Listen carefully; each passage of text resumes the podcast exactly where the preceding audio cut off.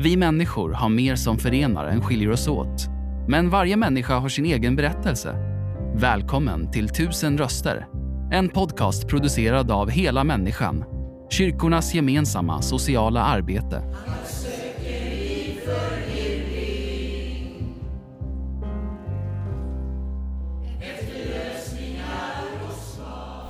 Ja, då är vi hos Hela Människans verksamhet här i Skellefteå och jag träffar Bella som är 35 år. Och eh, hon är uppvuxen här i Skellefteå eh, och efter gymnasiet så jobbade hon bland annat som personlig assistent. Eh, men hur är läget med dig idag? Ja, det är väl sådär på det sättet att jag försöker återhämta mig från tidigare saker som har hänt under de senaste åren och under min tid i ett missbruk och med destruktiva relationer och så. Och eh, nu är jag eh, drogfri med hjälp av Laro och eh, försöker att läka från allting. Och så. Jag har börjat i, nyligen börjat i terapi som heter MBT-terapi och jag hoppas att det ska hjälpa mig. Ja, hur, det här Laro, vill du berätta lite mer om det? Mm, ja, det är eh, en substitutionsbehandling för opiatberoende.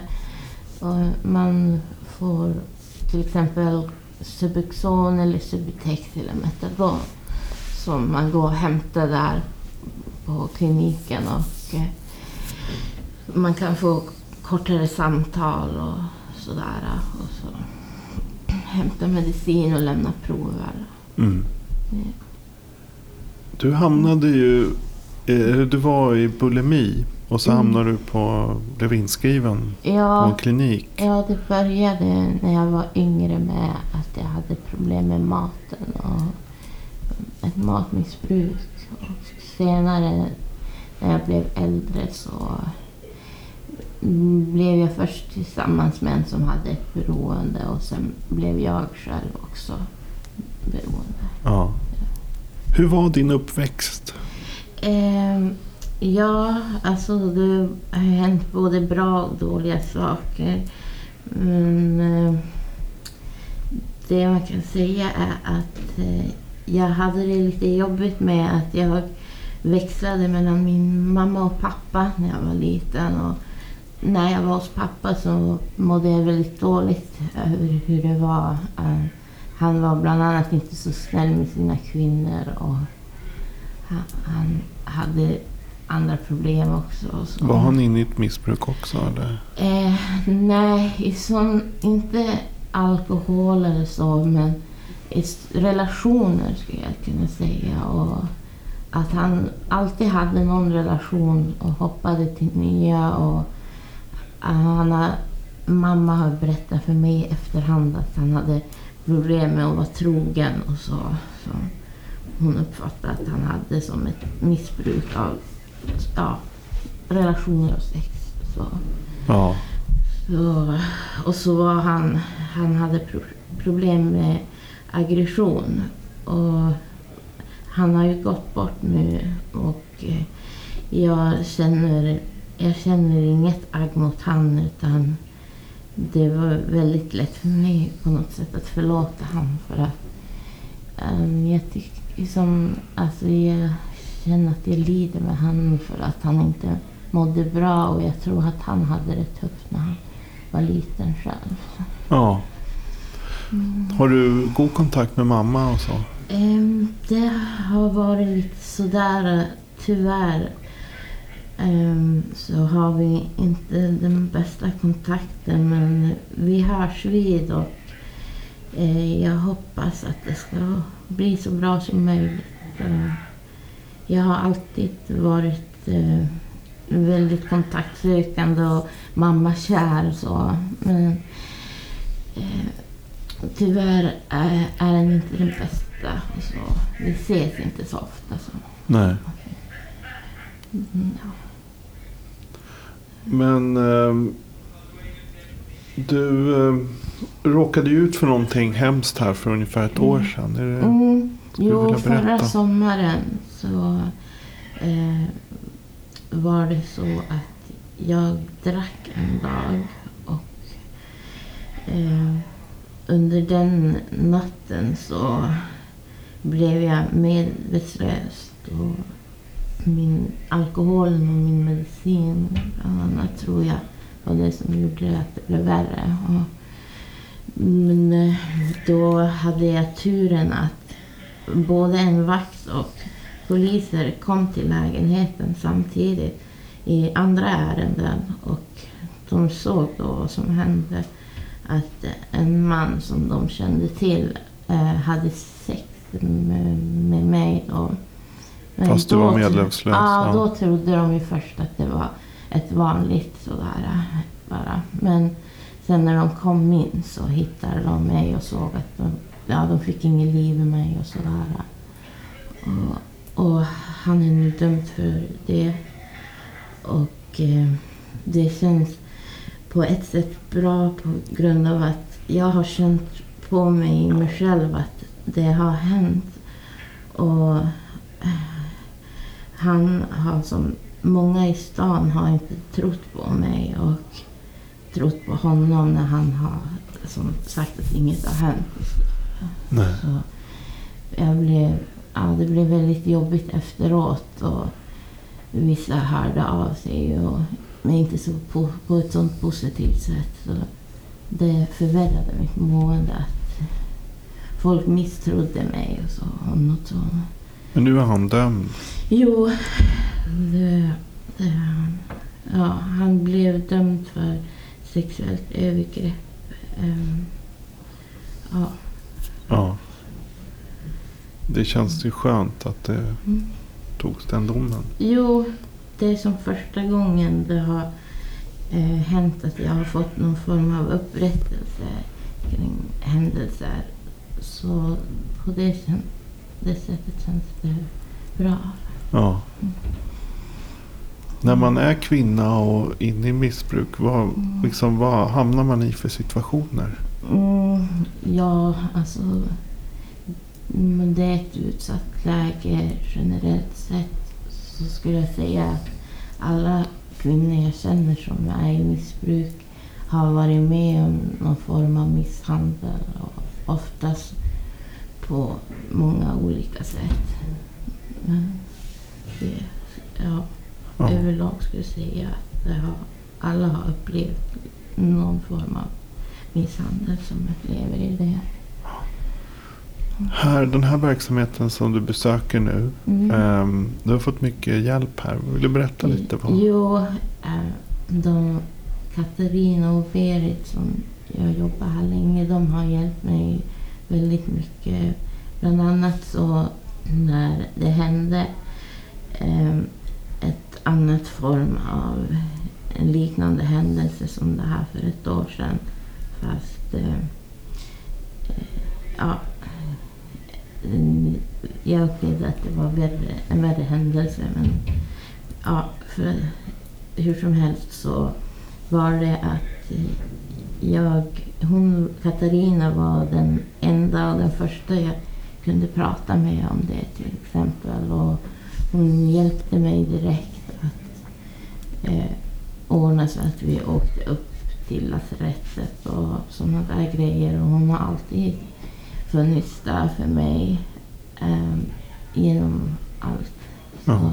jag kan verkligen prata med dem om allt och de är så genuint brydda om människor och godhjärtade människor. Så Hur, länge, hur länge har du haft kontakt med den här Hela Människan-verksamheten i jag Skellefteå? har haft kontakt sen det låg på ett annat ställe då och det var nog, ja det måste vara i alla fall tio år. Och kanske mer också, men jag vet inte. Ungefär tio år skulle jag säga. Under den här perioden som du har varit inne i olika, olika missbruk och så. Mm. Har du varit hemlös då eller? Mm, jo, det har hänt vid något tillfälle.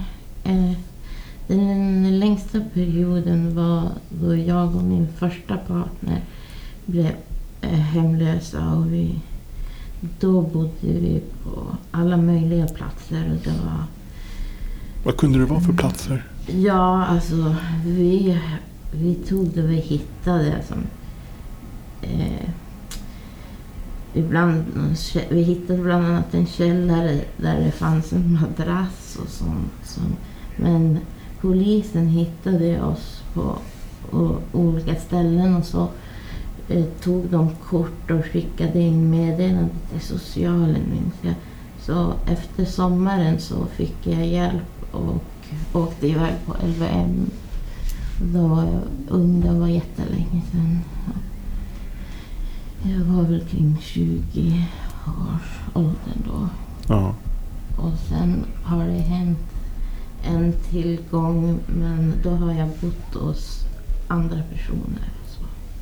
Så, det där var enda gången då det var så där att vi faktiskt bodde ute ibland. Och så. ja. Ja, annars har jag bott hos ja, vänner och så. Hur funkar det här LARO-programmet för dig nu? Ja, det är jag också väldigt tacksam för. För att det har alltid hjälpt mig att eh, eh, komma ifrån det värsta missbruket. Och så. Jag har försökt att göra det flera gånger utan LARO också. Men det har aldrig hållit riktigt. Så det har visat sig vara det som har funkat bäst för mig i alla fall. Ja. Hur länge har du kunnat hålla dig utan Mm. droger så att säga? Ja, jag har varit med där tidigare en gång och då var det cirka två år jag var drogfri. Den här omgången så har det varit ungefär ett år. Men då har det varit några enstaka tillfällen då jag har druckit till exempel. Ja. Kanske fyra, fem gånger under året. Då. Blir man extra dålig då när man dricker under LARO? Ja, jag har uppfattat det så att jag kan inte alls dricka längre för att varenda gång jag har försökt så har jag bland annat blivit så illamående och flera dagar efter. Och, nej, alltså det har inte gått ihop alls för mig. Nej. Och sen har det hänt att jag tappar minnet och sådana här saker också. Så det har inte funkat. Ja. Mm. Vad tänker du om framtiden? Eh, ja, jag har drömmar och så. Ja. Men på något sätt har det blivit som att det känns långt bort. Jag har, att jag har tappat mycket självförtroende och så eh, efter alla misslyckanden som har varit under åren. Och det känns som väldigt avlägset att jag ska kunna uppfylla mina önskningar som till exempel att få en utbildning och vad skulle du vilja vara utbildad inom? Eh, Jag har känt på senare tid att jag skulle vilja jobba med barn. Alltså typ barnpedagog eller vad det heter. Ja, Ja. något liknande. Jag har alltid tänkt att jag skulle vilja hjälpa folk. Men på senare tid har jag känt att jag skulle helst vilja jobba med barn. Ja. Kanske för jag har inga egna barn och börjar känna mig så barnkär och så sista tiden. Mm. Mm. Förstår jag. Ja. De är så härliga och, och de har fortfarande inte blivit så förstörda av livet. Och ofta väldigt ärliga och roliga också.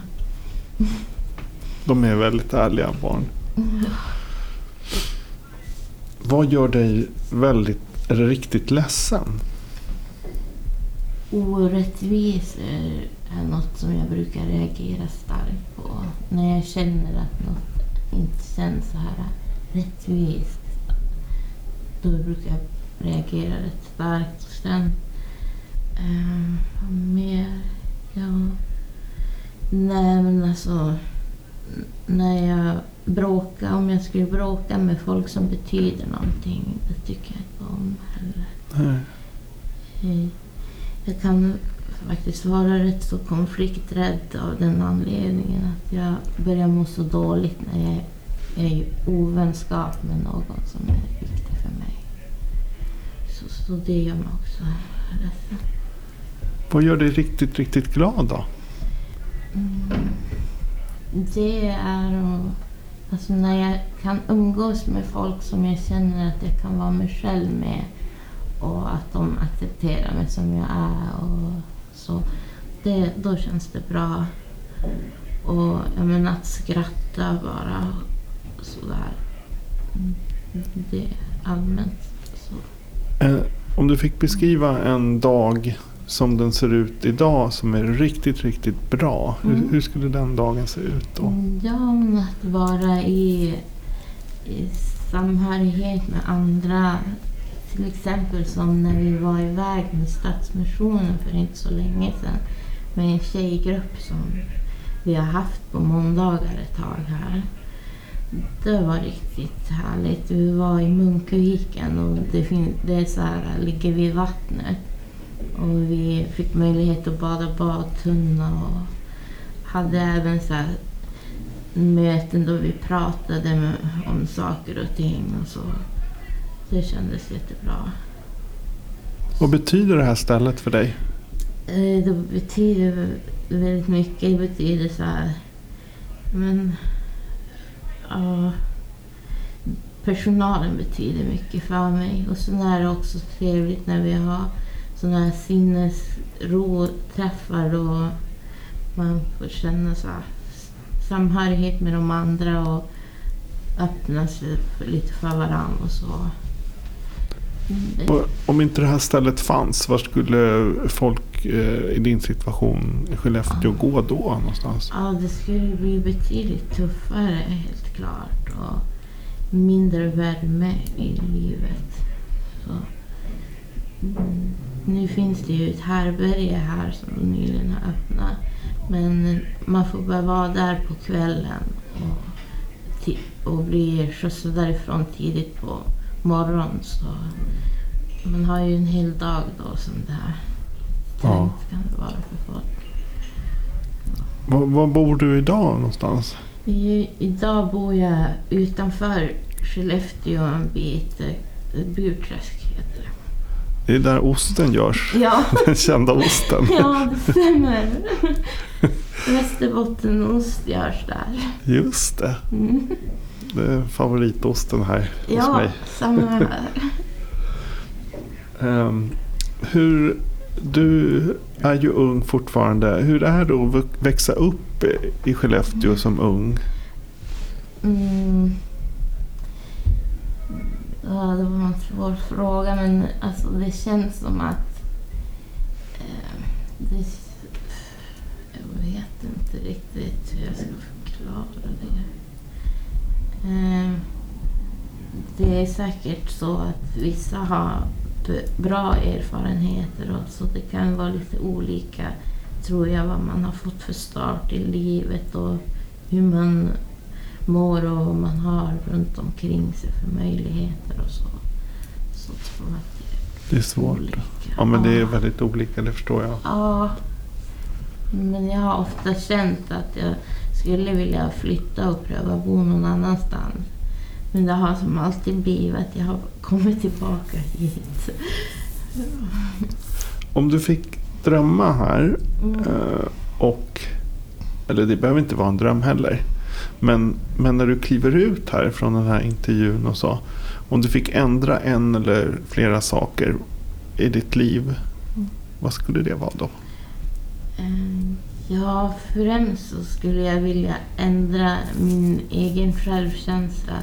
Det känns som att den är roten till mycket mm, dåligt i mitt liv. Att jag inte på något sätt så vet jag, jag vet på intellektuell nivå att det inte är logiska alla tankar jag har. Men på ett annat plan så är det som att jag inte känner att jag har ett eget värde som andra människor. Att jag typ förtjänar samma, lika bra liv som vissa andra. På något plan är det som att det är återkommande. Och, och det visar sig på resten av livet sen. Så jag skulle vilja ändra på den. Och så skulle jag vilja ha mer folk omkring mig. Typ en familj av något slag. En partner kanske och några djur om inte en dotter också. Men någon, lite mer familj runt om mig. För jag är rätt så ensamt just nu. Mm. Första steget är ju liksom att man inser. Och det har ju du verkligen gjort. Ja. Eh, Så jag tänker att det, det finns mycket geist i dig att kunna ändra det. Mm. Tack så mycket. Fantastiskt att få höra din historia. Tack. Tack för att du delade med dig. Ja. Tack själv. Tack för att du lyssnat.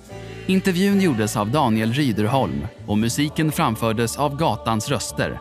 För att hitta fler avsnitt och ta reda på hur du kan engagera dig besök helamänniskan.se volontar.